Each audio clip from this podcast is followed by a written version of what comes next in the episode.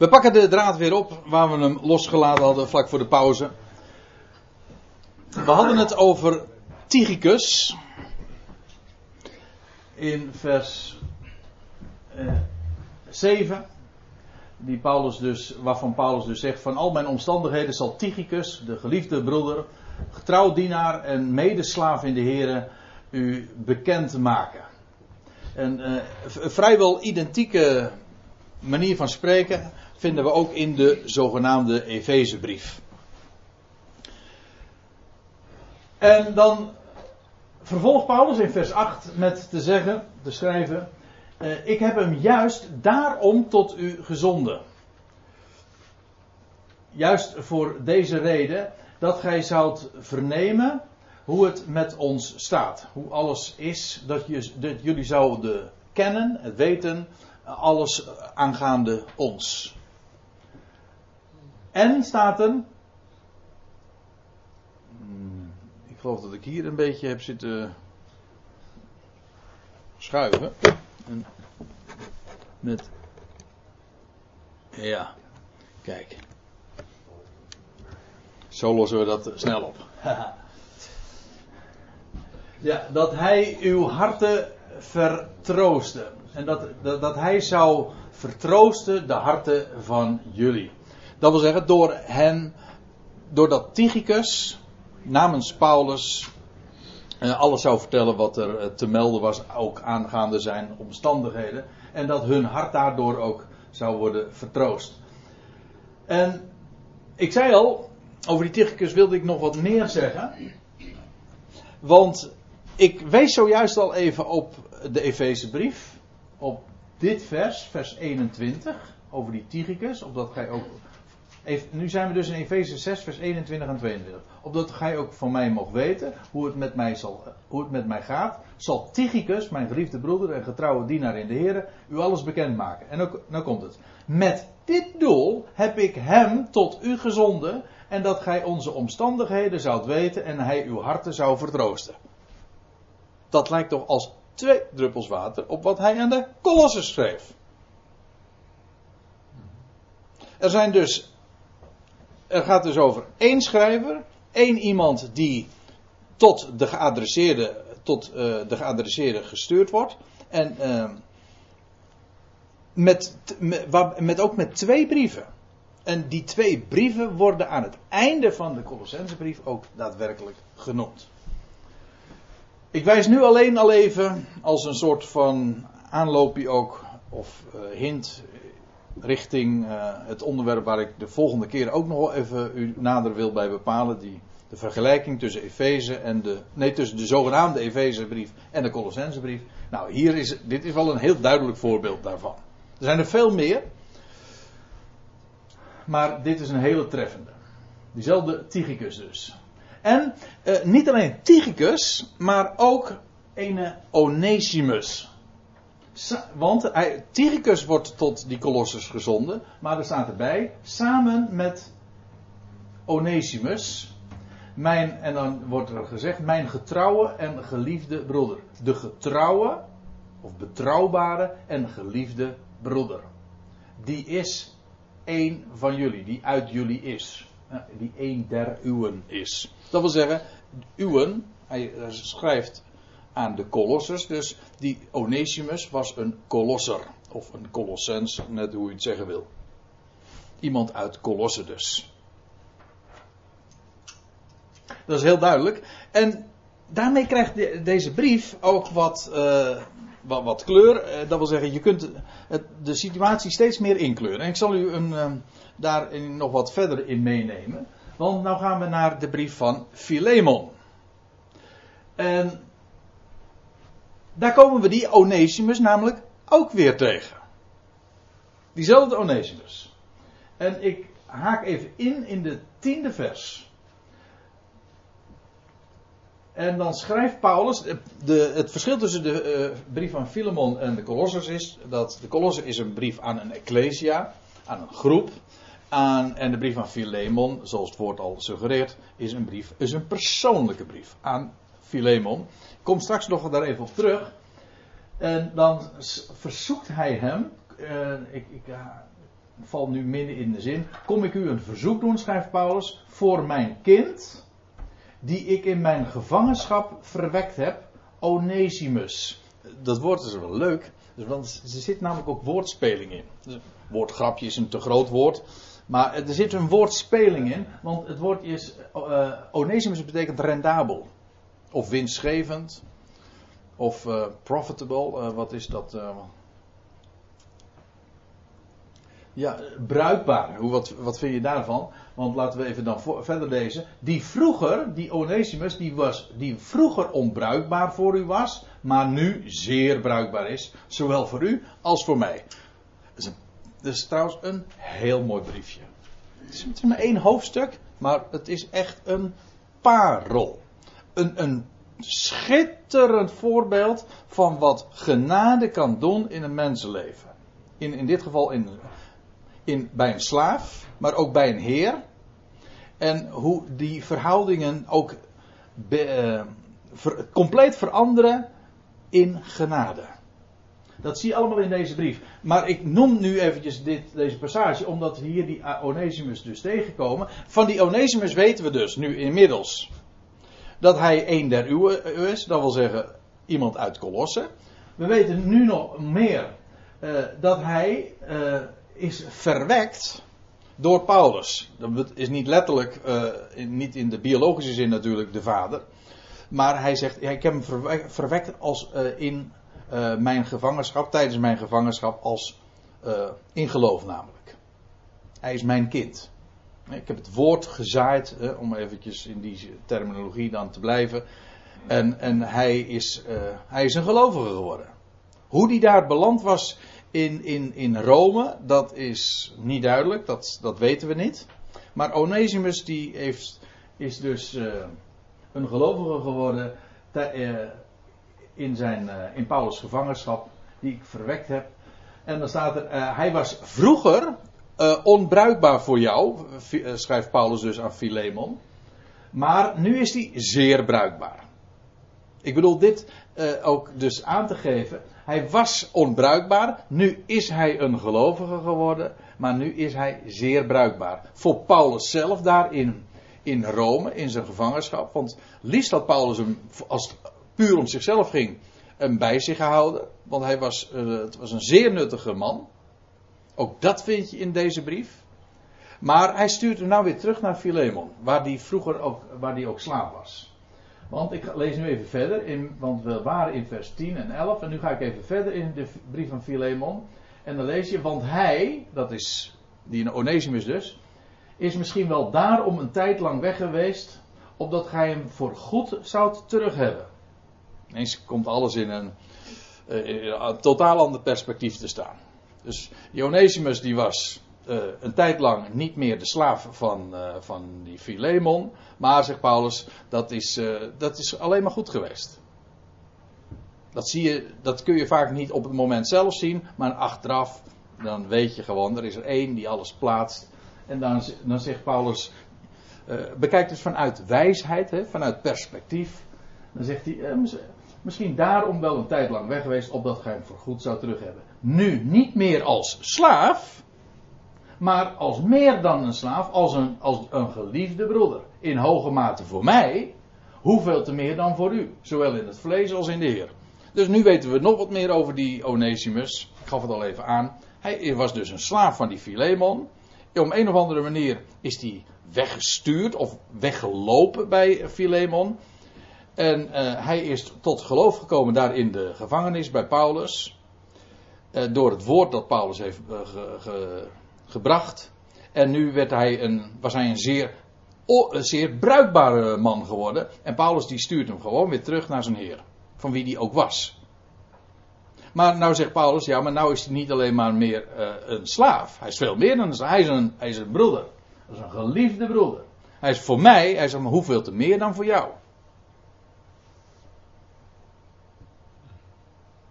En nou lees ik nog even verder. Ja, ik zit een beetje raar door die uh, brief te bladeren, dat geef ik toe. Maar nou ben ik, ik ben nog steeds in de Filemon, maar nou ga ik even terug naar het begin, naar de eerste verse. Want waarom? Omdat je dan zoveel zicht krijgt op, op, op zo'n Ecclesia uh, in, in Colosse. waar we ons nu 14 avonden al mee hebben bezighouden. Nou, nou moet je eens lezen, dit. Paulus, zo vangt de brief aan, een gevangene van Christus Jezus en Timotheus, de broeder, aan de geliefde Philemon, onze medearbeider, aan Apphia, de zuster, kennelijk zijn vrouw. Staat er niet expliciet, maar dat is. En aan Archippus, hou zijn naam vast, want die komen we ook nog een keer tegen. Onze medestrijder. En aan de Ecclesia in jullie huis. Kijk, waaruit dus blijkt dat Philemon, Apphia en Archippus uh, huisgenoten waren. Dus kennelijk is die Apphia de, de, de vrouw, de, de echtgenote van Philemon. En Archippus mogen we aannemen. In elk geval een huisgenoot. En de, eerst, voor, de meest voor de hand liggende eh, gedachte is dan dat hij een, eh, de zoon is geweest van die beiden.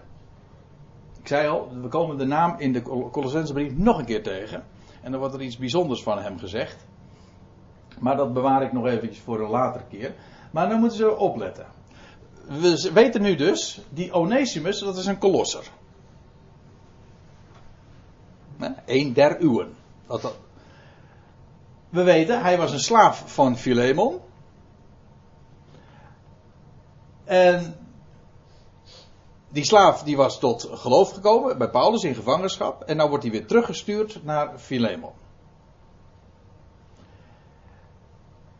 die Philemon, die had de Ecclesia in, uh, nou, in zijn huis moet hier staan, die de Ecclesia in zijn huis had. Waar, waaruit dus volgt dat de Ecclesia van Colosse samenkwam in het huis van Philemon. Ziet u? Hij had dus, hij spreekt over de Ecclesia in jullie huis, maar dat was, dat was dus in Colosse. En wat je dus ziet, en dat blijkt uit, uh, uit heel wat uh, brieven die we aan Ecclesia's in de, het Nieuwe Testament aantreffen. Juist vorige week, ik zei het zojuist al even, heb ik nog gesproken over de, over de Korinthebrief. En van de Korinthebrief lezen we dus ook. Die, uh, van de Korinthe Ecclesia lezen we dat ze samenkwamen in het huis van, weet u nog? Gaius. Ja, daar hadden we het toch over. Ja, ik was even aan het testen van hoe wakker u bent. Ja, maar ik heb het net toch ook even nog gezegd. Ja. Nou ja, er gaat nog een puntje vanaf, Mark.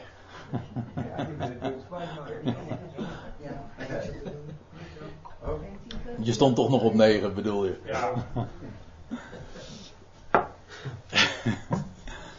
Oké. Dus uh, om even nu weer terug te keren naar, naar Colosse. Dat was uh, een, eh, een ecclesia samen, die samenkwam in het huis van, uh, van Philemon. En we, we, zo kennen we inmiddels al een heel aantal figuren en namen van mensen die daar in die ecclesia kwamen. Of die daartoe behoorden, die daar binnen waren. Philemon, Apphia, Archippus, Onesimus, we komen er nog één tegen, maar niet meer vanavond. Dus dat is wel uh, apart. Ik moet erbij zeggen dat die naam. Uh, ik, ik, geef niet iedere keer een complete lijst van de voorkomens van naam hoor. Want dat, dan zou je zelf eventjes de concordantie erop na moeten slaan waar ze nog vaker uh, voorkomen. Van Onesius weet ik het even niet ter plekke zeker waar die nog meer voorkomt. Maar goed, we gaan verder. We hadden het dus over Onesimus en die, wordt, uh, die was dus met Tychicus werd hij gestuurd naar, naar Colosse. En hij, hij behoorde ook uh, tot hen. En dan staat er, zij, dat is dus zowel die Tychicus als die Onesimus, zij zullen u van alle omstandigheden hier op de hoogte brengen. alles uh, doorgeven en vertellen wat er over de Paulus en aangaande Paulus te melden was. En dan nog één. Aristarchus, mijn medegevangene, laat u groeten. Zo staat het inderdaad, mijn, me, mijn de medegevangene van mij. Aristarchus. Nou, ik zei al, we gaan eens eventjes die namenlijst wat, wat beter bekijken. Zodat we ook uh, werkelijk eens kennis gaan maken over wat voor mensen dat nu waren en in welke verhouding ze nu stonden tot Paulus. Heel bijzonder en heel boeiend om eens wat nader kennis te maken. Niet alleen maar met Paulus, maar ook met, ja, met zijn kennissenkring, met zijn medearbeiders, met uh, al die mensen met wie hij uh, relaties onderhield die van die Aristarchus, die komen we de eerste keer tegen in Handelingen 19, vers 29. En later nog een keer in hoofdstuk 20, vers 4. En hier lezen we van hem in hoofdstuk 27, vers 2. Aristarchus, uh, een Macedoniër uit Thessalonica. Nou, dat is een hele, dat is een hele precieze informatie dus over, die, uh, over deze man. Ook een reisgenoot van Paulus, want ik zei al, deze drie plaatsen komen we tegen. Uh, vanaf 19, uh, hoofdstuk 19 lezen we dus dat eh, deze Aristarchus met Paulus meereisde. Ook hier in hoofdstuk 27, dat was tijdens die vreselijke, eh, moeilijke schepenrij, of zeereis van de apostel Paulus, waarbij het schip ook brak, het, de schipbreuk leed. Daar was een van degenen die daar ook bij waren, dat was onder andere Lucas, die het daarom allemaal zo, zo perfect te, te boek kon stellen allemaal. Maar ook uh, deze Aristarchus hoorde erbij. Dat was een Macedoniër uit Thessalonica.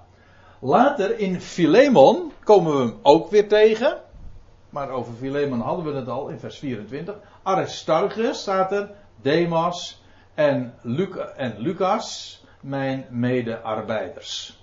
Dus waren niet alleen maar medegelovigen, met wie ze dezelfde eh, dingen van het woord uh, deelden, maar uh, zij werkten ook met Paulus samen om dat woord door te geven. Aristarchus dus. Zoveel meer weten we trouwens niet van hem. Ja, het was een medearbeider en we weten waar hij vandaan kwam.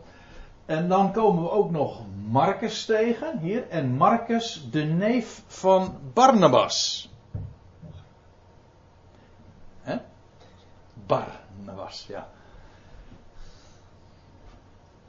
De zoon, Barnabas, de zoon van Abbas. Bar, Bar is uh, zoon van Bar Abbas. Ja, ik weet even. Ik weet niet helemaal voor 100% zeker of de, dat de juiste associatie is. Of Barnabas hetzelfde is als Barabbas. Nou ja, dat uh, laat ik even voor wat het is. In elk geval, uh, deze Marcus wordt genoemd de, de, de, neef van Barnabas. Dat is, dat is namelijk leuk. Met schrift, met schrift vergelijken. Want dan, juist door deze mededeling, Marcus de neef van Barnabas, komt ineens de geschiedenis van het boek Handelingen in een heel ander licht te staan. Gaan we het veel beter begrijpen. Want er is ooit over die Marcus een heel geduvel geweest, als ik het zo mag zeggen. Juist met Barnabas ook. Wel, laten we eventjes uh, naar Handelingen 12 toe gaan. Het is niet de eerste keer trouwens dat Barnabas genoemd wordt. Barnabas kwam uit Jeruzalem. Nou, ik ga het nou verder niet over Barnabas hebben. Het gaat even over die Marcus. Uh, er staat in Handelingen 12 vers 25, Barnabas nu en Saulus, want Barnabas, ja, dat is een bekende medewerker van de apostel Paulus. Uh, nou, uh, handelingen 13, 14, 15 wordt dat, komen die uitgebreid ter sprake. Paulus en Barnabas. Barnabas nu en Saulus keerden terug uit Jeruzalem na hun liefdedienst te hebben volbracht en staat er en namen ook Johannes, bijgenaamd Marcus, mede. Elders heet hij trouwens ook Johannes Marcus. Dus hij heette Johannes, maar hij werd alom Marcus genoemd. De bijnaam, of in elk geval, zo uh, wordt hij dan geïntroduceerd. Dus hier, ze namen, Paulus en Barnabas namen Johannes, uh, oftewel Marcus, mee. Maar even hou het in gedachten. Van die Marcus weten we nu dus. Het was een neef van Barnabas. Maar, nou eh, gaan we eventjes een hoofdstuk of wat verder in handelingen. We waren in handelingen 12. En dan gaan we naar handelingen 15. daar was net die vergadering geweest in Jeruzalem van de apostelen. En Paulus was daar, heeft daar een belangwekkend uh, inbreng gehad. En dan gaan ze weer verder. Vanuit Jeruzalem. En dan ontstaat er een, een meningsverschil. Er staat in vers 37 dit. En Barnabas wilde ook Johannes genaamd Marcus meenemen. Dus Barnabas en Paulus die gaan verder. En ze, ze wilden een, iemand hebben uh, als medewerker. Barnabas wilde Marcus meenemen. Ja, dat ligt wel voor de hand. Dat was een neef van hem. Een vleeselijke band. Uh, nee, ik zeg vleeselijk. Niet vreselijk. Een vleeselijke band. Maar staat er in vers 38. Paulus bleef van oordeel dat men niet iemand, uh, dat men niet iemand bij zich moest hebben die na, hen naar Pamphylia had verlaten en zich niet met hen tot het werk had begeven. Ja, er staat hier zo in één zin uh, nogal wat informatie die, uh, die waarvan, waarvan, we verder niet meer kunnen vertellen dan wat hier wordt meegedeeld. hieruit blijkt in elk geval dat Marcus al eerder meegegaan was met hen, maar dat hij verstek had laten gaan. En Paulus is uh, teleurgesteld in haar, of in elk geval, nou teleurgesteld, ik weet niet of dat het juiste woord is. Maar in elk geval, uh, voor Paulus was hij gedisqualificeerd voor het werk. Hij, Paulus was van oordeel dat men hem niet bij zich moest nemen. Hij, hij was gewoon niet capabel voor, deze, voor dit dienstwerk. Dat was Paulus' standpunt. En, maar Barnabas dacht daar anders over. Barnabas wilde hem wel meenemen. En er ontstond een verbittering, zodat zij uiteengingen en Barnabas met Marcus naar Cyprus voer.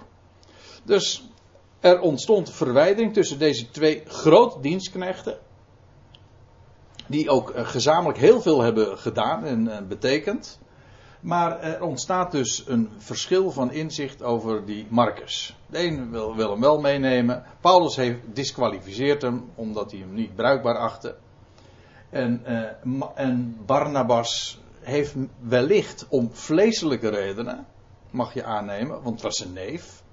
Het bloed, we zeggen dan, bloed kruipt waar het niet gaan kan. En dan kon er zomaar, kan, uh, ja, dat iemand niet capabel is, blijkt dan uh, van minder waarde te zijn dan de bloedband die je dan hebt.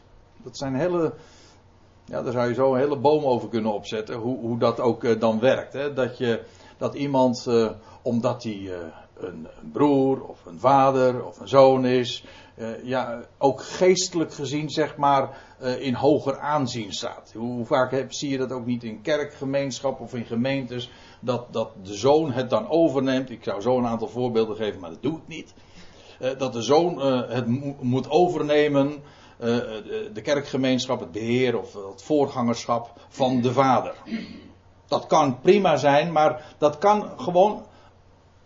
In geestelijke dingen zouden uh, vleeselijke banden, neef, of in dit geval dan een neef, zou geen invloed daarop moeten hebben. Dat zijn namelijk twee totaal verschillende dingen. Het gaat om, het gaat om capaciteit, niet om vleeselijke band. Hoe belangrijk in een andere, in een andere context dat ook mogen zijn. Want natuurlijk, familie, eh, familiebetrekkingen hebben grote waarde, natuurlijk. Maar als het gaat om geestelijk werk, eh, gaat het om capaciteit, kwaliteit. En niet om, om, om, om zo'n zo'n vleeselijke, bio, biologische band. Enfin, uh, die Barnabas die neemt dus Marcus mee en die gaat naar uh, Cyprus en Paulus gaat een andere richting op. En, nou zou je zeggen, dat is het einde van het verhaal, maar dat is niet het geval. Want het is weer helemaal goed gekomen. Het was dus, Paulus heeft hem disgekwalificeerd om gewone, duidelijke redenen. Barnabas achter hem eh, geschikt, gewoon kennelijk omdat hij neef was. Paulus had een ander criterium.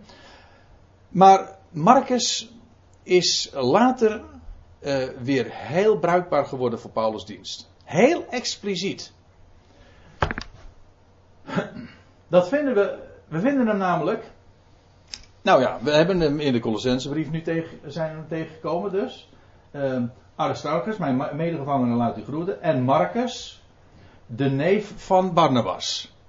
Dus die krijgt. Dus uh, Marcus is hier weer helemaal terug. een, bij een veel latere gelegenheid. En dan staat er in het. Nou, nu ben ik in de tweede Timotheusbrief.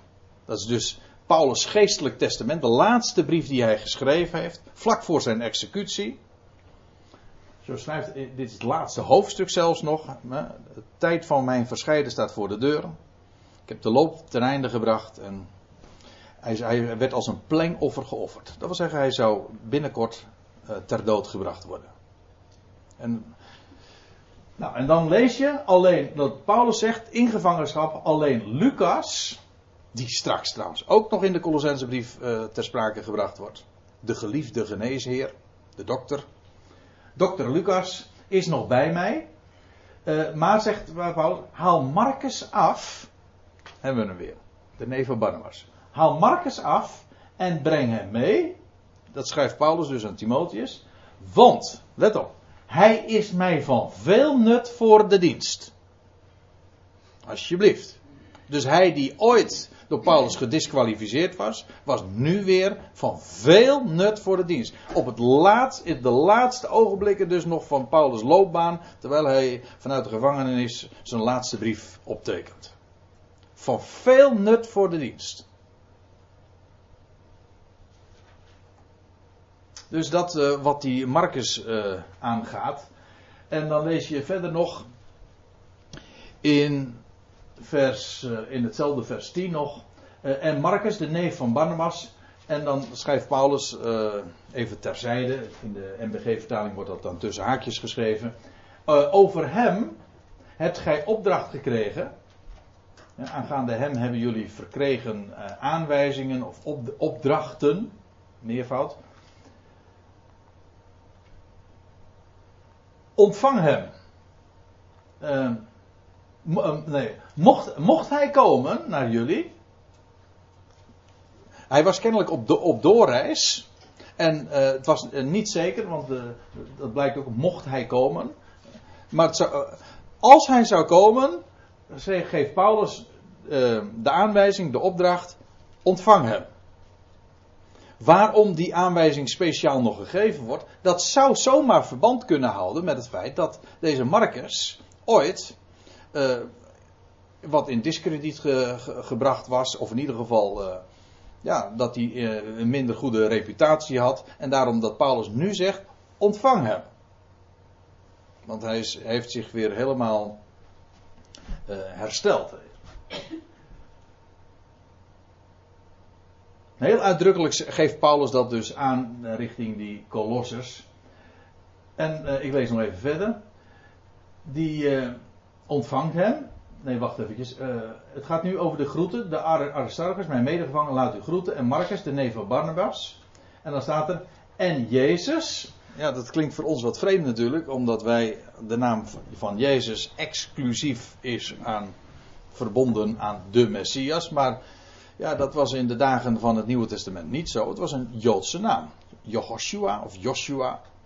En de Griekse uitspraak is dan Jezus, Jezus. Maar hij had de bijnaam Justus.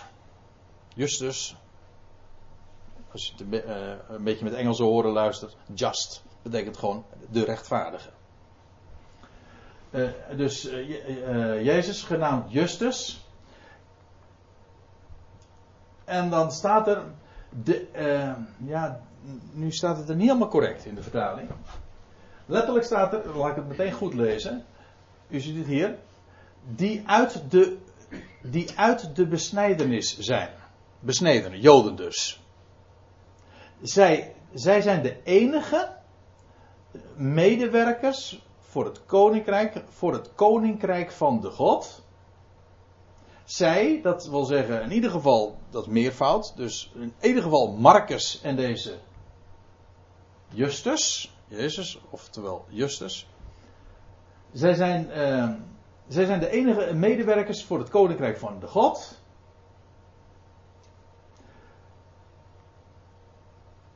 Die, uh, ja, en in de vertaling staat dan, en die mij dan ook tot troost zijn geweest. Maar u ziet hier, er staat niet zijn geweest, maar zijn geworden. Dat is een belangrijk verschil. Of waren geworden. Maar in ieder geval geworden. Waarom zeg ik dat nu? Dat zeg ik nou niet om, om, om eh, op. Uh, als geen spijkers op laag water zoeken. Want ik heb me over dit vers in het verleden vaak verbaasd. Omdat Paulus hier zegt van ja, over twee mensen in ieder geval, die, die Justus en die Marcus, dat zijn de enige, uh, enige medewerkers, ja, enige medewerkers, uh, pardon, uh, die mij tot troost zijn geweest. Hoezo? Paulus had toch heel veel medewerkers waar hij, uh, zich, waar hij zich nou niet aan vastklamde, maar in ieder geval die zoveel voor hem betekende in de gevangenschap. Totdat mijn oog uh, viel op deze woorden. Zijn geworden. Aha. En met dat wat ik verteld heb over die Johannes, oftewel Marcus, begint het plaatje duidelijk te worden. Over Justus weet ik verder niks. Maar in elk geval, Paulus zegt van die twee, Marcus en Justus, ze zijn mij tot troost in de gevangenschap geworden. Nou, ik zou haar zeggen, als je het zo leest, vul het plaatje zelf verder in. Want Marcus was gedisqualificeerd. En nu aan het einde van Paulus' bediening, terwijl hij in de gevangenschap en tot aan het laatst aan toe, was, werd Marcus weer van grote nut. Hij is mij tot, uh, hoe, zeg, hoe schreef Paulus het ook weer? Hij is mij van veel nut geweest voor de dienst. Hij is hem tot troost geworden. Die andere, er waren er, er velen tot zijn troost, waar, waar Paulus zo, die voor Paulus zoveel betekenen. Maar zij zijn hem tot troost geworden. Dat wil zeggen, van de Justus kan ik verder niks vertellen, maar van Johannes Marcus des te meer. Die was ooit dus niet meer bruikbaar. En hij werd weer bruikbaar. En van veel nut voor de dienst. Zoon, uh, hij is hem tot troost geworden. En juist door dit uh, op de, deze manier ook te lezen, zoals het er inderdaad ook staat, wordt wat mij betreft deze zin in, een, in één keer ook helemaal duidelijk. Anders begrijp ik het niet, want Paulus laat zich zo positief uit. Over, over Lucas en over Aristarchus en al die mensen die bij hem in, eh, in, de, in de gevangenschap verkeerden. En die, hem, eh, die zoveel voor hem betekenen. Waarom schrijft hij dan de, e, de enige die mij tot troost zijn geweest? Nee, ze zijn hem tot troost geworden. Dus in die gevangenschap eh, is heeft daar een ommekeer plaatsgevonden. Wat zo'n enorme bemoediging voor Paulus is geweest. Wat er met hen had, was, plaats, had uh, plaatsgevonden.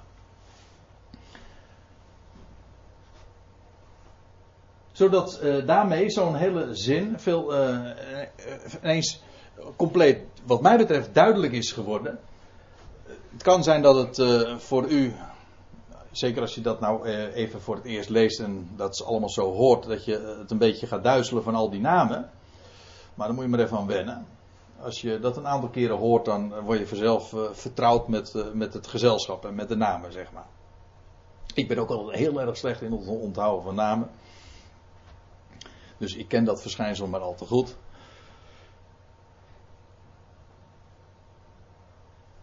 Ik moet er trouwens ook nog, nog één ding bij zeggen. Dit vers wordt namelijk nogal eens een keer aangehaald. Uh, in een andere kwestie. Ik noem het even nu uh, terzijde. Namelijk als bewijs dat Lucas een, uh, geen Jood zou zijn. Men zegt dan van dat de hele, de hele Bijbel is geschreven door Joden. Behalve, de, behalve het evangelie naar Lucas en het boek Handelingen. En dat baseert men op dit vers. Maar dat, omdat Paulus dan gesproken is, Jezus, eh, eh, genaamd Justus en die eh, Marcus. En dan zegt Paulus, de enige uit de besnijdenis die mijn medewerkers zijn voor het koninkrijk gods. Dus als later dan die Lucas nog ter sprake uh, komt. Hé, hey, dat is dus geen, dat is niet iemand uit de besnijdenis. Zegt men dan. En dat is dan, dat is dan het argument waarom um, waarom Lucas uh, een niet-Joodse schrijver zou zijn. Maar het, uh, wat mij betreft, het, dat eh, argument moet ik echt fout rekenen. Het, het, staat er, het staat er domweg zo niet. Men leest het op een bepaalde manier. De vertaling uh, deugt niet. Komt trouwens bij dat als u leest in de Statenvertaling, er staat inderdaad dan dit. Marcus en Justus, die uit de besnijdenis zijn. En zij zijn mijn enige medewerkers voor het koninkrijk gods, die mij dan ook tot troost zijn geworden.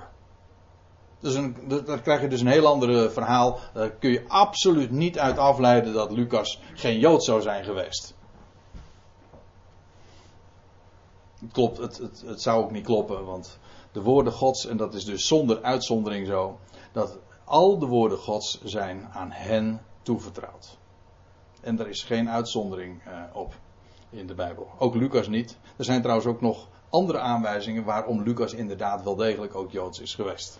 Maar goed, zoals gezegd, dit vers wordt altijd uh, aangehaald als het bewijs voor, uh, of als het argument dat Lucas geen Jood zou zijn, maar dat klopt dus niet. Nou, en dan gaat Paulus nog verder met, met de groeten te doen. Hij noemt ook nog Epaphras, die ook een der uwen is. Haha, hebben we er dus nog een. Maar deze kenden we al. Want Paulus had deze naam al in hoofdstuk 1 ook genoemd. Epaphras. Onesimus was een van hen, Philemon eh, en Apphia en Aristarchus. Maar allemaal mensen uit Colosse. Maar Epaphras ook. Epaphras was eh, zelfs zo'n belangrijk iemand onder hen. Voor hen in elk geval. Want zij hadden het evangelie van hem vernomen. Paulus was nooit zelf in Colosse geweest. We lezen. Uh, dat is het laatste waar ik nog even op wil wijzen. Dan denk ik dat we het maar moeten gaan afsluiten. Maar ik wil op dit uh, schriftwoord nog even wijzen in Colossense 1. Daar staat dit. Vanaf vers 6 uh, eh, lees ik. Vanaf de dag dat jullie het hoorden en de genade van God in waarheid beseften. Ik lees het nu even zoals het er echt ook concordant staat. Zoal, let op prachtig. Jullie hebben de genade van de God. In waarheid zijn jullie dat gaan beseffen. En dan staat er, zoals jullie leerden, jullie, dat zijn dus jullie in Kolossen, zoals jullie leerden van Epaphras.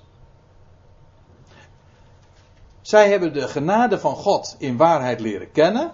Hoe? Via Paulus' bediening? Nee. Paulus zegt zelf in Colossense 2, maar dat hebben we al een keer eerder gezien. Ze hadden nooit zijn aangezicht gezien. Hij schrijft dus een brief aan een ecclesia die zei, uh, waar hij nooit geweest was. Maar ze hadden het vernomen van Epaphras en dan, die noemt Paulus dan de geliefde medeslaaf van, van ons, die voor u een getrouw dienaar van Christus is.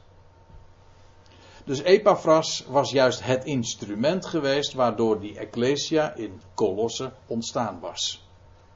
Ik zeg ontstaan was, en dat is dan echt het laatste, niet gesticht was. Dat is een heel uh, belangrijk verschil. Hè? Men, uh, men spreekt. Ik heb juist vandaag nog in het Nederlands Dagblad een heel artikel gelezen van, over gemeentestichting. Dat wordt altijd maar. Dus, ja, dat is een eng woord, hè? Kijk, ik zie jou zo vies kijken. Uh, maar gesticht, nee, nee, nee, gemeentestichting. Maar da, dat, alleen het hele woordgebruik suggereert al een, een organisatorisch denken. Weet je wel, dan, dan wordt er een gemeente gesticht, geïnstitueerd, een bepaalde organisatie wordt daar neergezet met een, met een ledenlijst en met een bestuur, et cetera. En dat is dan die deel uitmaakt van een grote verband, ja, dan wordt er een gemeente gesticht. Maar Paulus en zijn medewerkers waren nooit bezig met een gemeente te stichten. Er ontstonden ecclesia's. Het, ja, hoe gaat dat? Het woord werd doorgegeven. En er waren mensen die daar oren naar hadden. En die. Ja, dan is daar een ecclesia. Er wordt, niet, er wordt niks gesticht. Er ontstaat. Op het moment dat er twee gelovigen zijn die horen naar het woord. Dan is daar een ecclesia. En die zoeken elkaar op. En die vinden elkaar. En die komen bijvoorbeeld uh, bij elkaar in het huis van Philemon. Of in een gehuurd zaaltje van de voorhof of zo. Maar dat is ecclesia. Gewoon een, een, een, bij, een, een bijeenkomst inderdaad. Van een uitroepsel. Daar wordt niks gesticht. Als ik, als ik heel goed nadenk over dat woord gesticht, dan denk ik van, nee, dat moeten we niet wezen. Hè? nee, nee, laten we bij zinnen blijven. Hm?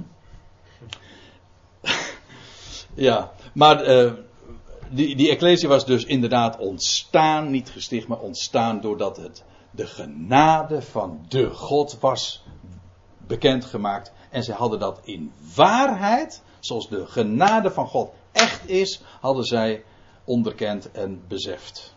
Allemaal eh, dankzij die Epaphras. Nou, over hem zullen we het later, eh, bij een latere gelegenheid, dus over twee weken, zo de Heer wil en wij leven, nog uh, verder hebben. En dan zullen we ook nog verder gaan met de laatste versen van dit hoofdstuk. En ik stel voor dat we het vanavond hierbij laten.